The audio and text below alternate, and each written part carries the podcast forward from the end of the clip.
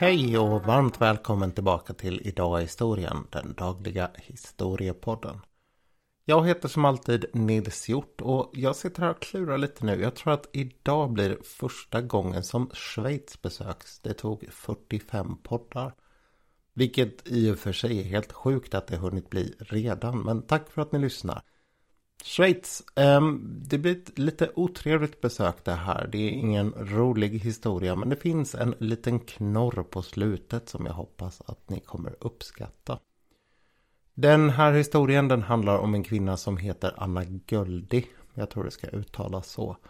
Hon kom från den tyskspråkiga delen av Schweiz. Allra, allra längst österut i denna bodde hon precis på gränsen mot Österrike. Hon föddes i en liten by som hette Sax i närheten av Senvald i Sankt Gallen. Familjen som Anna föddes i den var väldigt fattig. Man befann sig på det ekonomiskt lägsta skiktet i samhället och för hennes del så gällde det att jobba och hjälpa till så mycket det gick där hemma. Förmodligen så gjorde hon det ända fram till hon 15 år gammal flyttade in till Senvald och började jobba i en annan familj. Det här var ju väldigt länge både före hennes tid och efter hennes tid det vanligaste sättet för unga tjejer att få jobb. Och att jag säger att hon troligtvis hade hjälpt till att jobba hemma det beror på att hon inte kunde läsa och skriva så det verkar ganska otroligt att hon hade spenderat någon längre tid i skolan.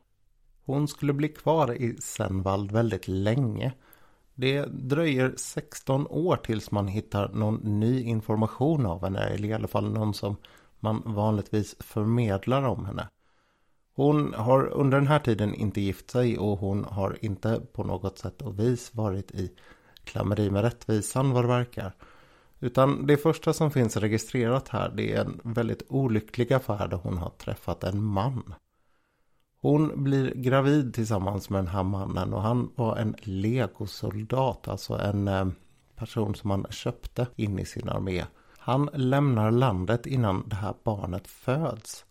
Och när Anna har fött barnet så dör det redan under första natten. Det verkar utifrån hennes vittnesmål som att det har dött i en kvävningsolycka. Jag vet inte om det har legat fel, fel eller så. Men hon eh, blir istället anklagad för att ha mördat sitt barn och hon fälls för det här.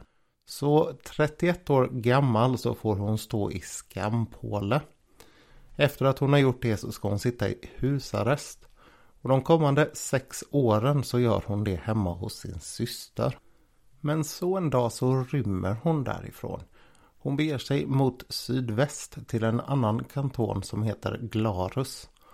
Och den här kantonen, eller Schweiz, hela systemet med kantoner, de är eh, juridiskt sett fristående. Så det verkar som att man inte hade någon som helst anledning att ta henne där i Glarus och skicka tillbaka henne till Sankt Gallen. Utan hon kan leva ganska tryggt där. Hon hamnar i Glarus huvudstad som för enkelhetens skull också heter Glarus. Och det här är ett område som är väldigt, väldigt bergigt. Det är små byar som ligger i en lång smal dal. Anna är nu omkring 37-38 år gammal så det här bör ha varit 1772. I den här staden Glarus så får hon anställning av en familj som heter Zwicki. Och de är ganska framstående i staden. De har ett stort hus som faktiskt finns kvar fortfarande idag, ett fyravåningshus. Vilket eh, bör ha varit ganska ovanligt vid den här tiden. Allting är frid och fröjd här för henne ända fram tills att hon blir gravid igen. Den här gången så är det med sonen i familjen. Han är 11 år yngre än henne. Hans position i samhället gör dock att det är helt omöjligt för dem att gifta sig. Och det är inte så att han på något sätt försöker fly undan i det här läget. Tvärtom så tar han ganska rejäl strid mot sin familj för att få gifta sig med Anna. Och hon bör ha varit en ganska attraktiv och intressant person. Hon beskrivs av sin tid som långkurvig med mörkt hår och bruna ögon. Dessutom så var hon både stolt och pigg och hade ganska mycket bildning för att vara en person som kom från hennes bakgrund och inte kunde läsa och skriva. Vad som händer med sonen hon föder efter det här, det är inte alls känt tyvärr. Det enda man vet är att det här unga paret kämpade för att få leva tillsammans, men misslyckades. För Annas del så innebar det att det var dags att byta arbetsgivare igen. Hon går från den här familjen Tsiki till en annan fin familj, en familj som heter Chudi. Och den här familjen där heter fadern Jakob, Johan Jakob Chudi. Han är läkare och han är dessutom domare i magistratet på stad, i staden. Det är således en väldigt framstående person och eftersom han fortfarande är ung så är han väldigt mycket på väg uppåt i sin karriär. I den här familjen så kommer det ganska snart att bli trubbel igen för Anna. Året är nu 1780 och Anna hon är 46 år gammal. I drygt ett år så går det bra för henne här men 1772 så kommer det trubbel en tidig morgon. Den ena dottern Judy hon sitter och äter frukost. Och när hon gör det så upptäcker hon helt plötsligt att det ligger nålar nedstoppade i hennes mjölk. Det är egentligen bara dottern och Anna som har rört det här glaset eller muggen som hon dricker ur. Och misstankarna de riktas ju omedelbart emot Anna. Hon får helt och hållet skulden för det här. Hon får sparken. Och man förklarar tydligt för henne att det är dags för henne att lämna Glarus. Hon gör så, men problemen de kommer att förfölja henne. För 18 dagar senare så börjar en annan dotter till Jakob Chodis stora förskräckelse att spy upp nålar och andra metallföremål. Det är ju fullständigt uppenbart att det måste vara samma person som har gjort det här igen tycker man. Så man börjar leta efter Anna, hittar henne, arresterar henne och ser till att få henne till en domstol. Anna hon hävdar att hon har inte haft något som helst med det här att göra. Det hade hon inte haft första gången heller. Och hur skulle hon egentligen ha kunnat gjort det här? Svaret det blir väldigt enkelt att det har med trollmakt att göra. Och hon bör ju ha tyckt att det här var ganska befängt. Hon erkänner inga som helst sådana här saker. Men man tar fram det gamla vanliga trumfkortet man har när man befinner sig i den här situationen. Tortyr. Så Anna hon blir ganska hårt åtgången. Förhören de är långa, utdragna, sker på alla möjliga tider av dygnet. Och när hon ska plågas extra så bland annat så hänger man upp henne uppbunden i tummarna från taket och hänger på extra tyngder runt hennes ben så att det ska göra ordentligt ont. Den här behandlingen får Anna att erkänna att hon faktiskt har förtrollat den lilla dottern. Det har hon gjort med djävulens eller satans eller vad man vill kalla honoms hjälp. Det är enligt de som har läst hennes bekännelse och den finns väldigt detaljerat bevarad en synnerligen klichéartad historia. Hon menar att den här Hinhole har kommit till henne i formen av en svart hund. De har senare på olika sätt planerat det här illdådet och han har också överlämnat nålarna till henne. Sen har hon lagt dem i dotterns mjölk så hon ska göra sig illa men hon lyckas i det här läget på något sätt och vis trolla så att dottern blir frisk igen eller tar bort den här eh, förbannelsen över henne. Enligt domstolen så är ju det faktum att hon slutar att spy upp en massa nålar onekligen ett bevis för att Anna har kunnat trolla och att hon då har befriat den här dottern från sin trollkonst. Men så fort som tortyren upphör så tar Anna tillbaka sitt erkännande och säger att det här var bara trams. Jag har inte gjort några som helst sådana här saker. Logiken säger ju såklart då att man måste börja tortera henne igen och den här gången så erkänner hon precis samma saker. Och hon gör det dessutom på ett sätt så att hon inte tar tillbaka det. Och det måste sägas att man vid den här tiden faktiskt trodde att tortyr var ett redskap man behövde använda sig av i många fall. Man såg det inte som att det var någonting som fick fram en massa eh, tvivelaktiga eh, erkännanden. Utan tvärtom så kunde tortyren behövas för att man skulle komma åt människans inre enligt ett märkligt resonemang. Innan jag går vidare med att berätta hur det gick för Anna, eller det vet väl de flesta redan om ni har sett rubriken på det här avsnittet, så vill jag passa på att berätta lite om hur hela den här häxmanin egentligen hängde ihop. Det började på tidigt 1400-tal och sen var det nästan precis 300 år framåt i tiden som det var som mest intensivt. Därefter så tar det slut och det har ju en hel del med att man slutar med eh, så här vidskeplighet och saker att göra. Istället så kommer upplysningen och man kämpar på olika sätt för att få bort alla misstankar om att det finns häxor. I Sverige så är det en man som heter Urban Järne som är väldigt inblandad i det här. Schweiz var dessutom något av en hotspot för häxor. I alla fall om man får tro statistiken. I västra Schweiz, den franskspråkiga delen, så dödade man flest människor i Europa per capita sett. Ehm, anklagade för häxkonst alltså. Och av de som anklagades så var 70-80% kvinnor. Ehm, av de som anklagades så var det dessutom omkring 60% som dödades och alltså straffades med dödsstraff. Det finns små förändringar över tid, över de här 300 åren. Det är ju ganska lång tid.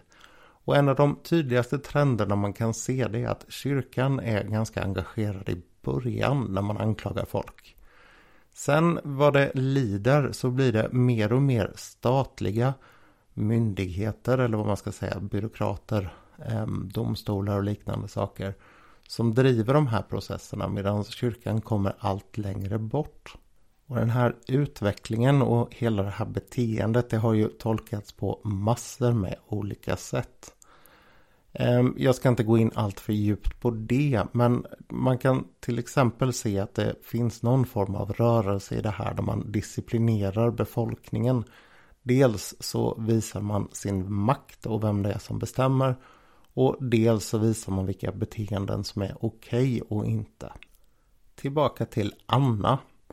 Hon döms till döden och hon gör det egentligen inte för sina häxkonster utan för förgiftning. Det är dessutom väldigt märkligt att hon åtalas överhuvudtaget. För som jag sa tidigare så hade det här med häxkonster börjat försvinna ut på det tidiga 1700-talet. Så det är väldigt sent och som det står i rubriken så är hon ju också den sista som avrättas som häxa. Det är en hel del turister som kommer till den här staden Glarus för att uppleva hela idén runt vad det var som hände med henne. Och en man som har varit väldigt engagerad i det här och som har läst på väldigt mycket om henne, han heter Walter Hauser. Han menar att det här kunde bara ske tack vare att den här mannen Chody, Jakob Chody, var så pass mäktig i staden. Och att han så att säga kunde vända det här med häxeriet till sin fördel. Därför att efter att Anna två veckor senare på dagens datum eller möjligen något tidigare, det finns lite olika datum angivna. Men för den som lyssnar i efterhand 18 juni alltså då förs hon ut på torget um, i staden och halshuggs med hjälp av svärd. Det Jakob gör efter det här är något märkligt. Därför han kräver ut ett officiellt dokument där det står att han aldrig hade rört henne. Troligtvis då i meningen att han aldrig någonsin hade någon form av älskog eller vad ni vill kalla det med henne. Och det här kan ju vara en nyckel till vad det var som egentligen låg bakom det hela. Jakob var en väldigt viktig man. Han hade en hel del kontakter. Han satt själv som domare i magistratet. Och om man tittar på vilka personer det är som vittnar så är det nästan bara personliga vänner till honom. Att det finns en konspiration här och att den på något sätt och vis skulle kunna hänga ihop med att han hade haft en relation med Anna och att antingen så hade hon hotat med att avslöja det eller så hade hon blivit gravid eller liknande. Känns inte som en särskilt eh, ja, riskabel gissning. Det är slutsatsen man har dragit i Schweiz och den har drivits väldigt hårt av den här Walter Hauser. Så troligtvis så var det här ett justitiemord i dubbel bemärkelse. Oskyldig så utsattes hon alltså för en justitiekomplott men det var också ett sätt att döda henne och få henne ur vägen på laglig väg så att säga. Det som jag sa tidigare att det fanns en liten knorr på den här historien som gjorde den lite mer aptitlig. Det var att den här Walter Hauser tillsammans med lite andra människor ifrån byn Glarus började kämpa på tidigt 2000-tal för att få Anna rentvådd. Och det har faktiskt fungerat. 2008 så blev hon den första som hade avrättats som häxa. Som rehabiliterades, alltså frikändes och man tog bort domen över henne. Flera andra personer skulle senare bli rehabiliterade på liknande sätt runt om i Schweiz. Och jag vet faktiskt inte hur det ser ut i andra länder men jag skulle kunna gissa att det har spridit sig.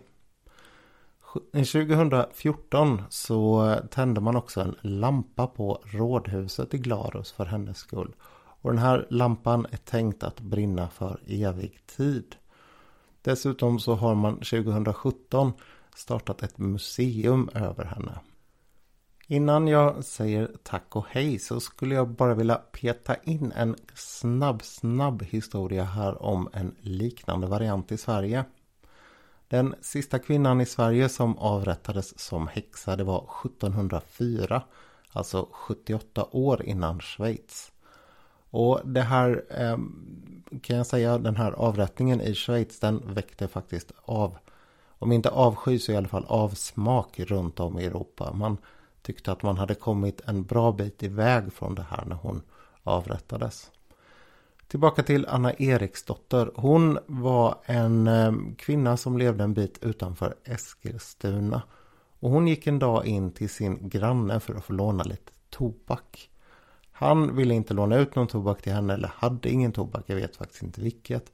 Men han gav henne lite mat och sådär istället. Och när hon sen hade gått därifrån så gav sig han ut och upptäckte helt plötsligt att han började se dåligt på ena ögat. Dessutom så tappade han hörsel på ena örat och så började hans mun att hänga väldigt mycket. För oss så låter ju det här ganska mycket som att han har fått en stroke. Men han drog istället slutsatsen att Anna, hon hade blivit förbannad och hade kastat någon form av besvärjelse över honom. För Anna så gick det inte bättre än att hon greps, torterades och till slut halshöggs.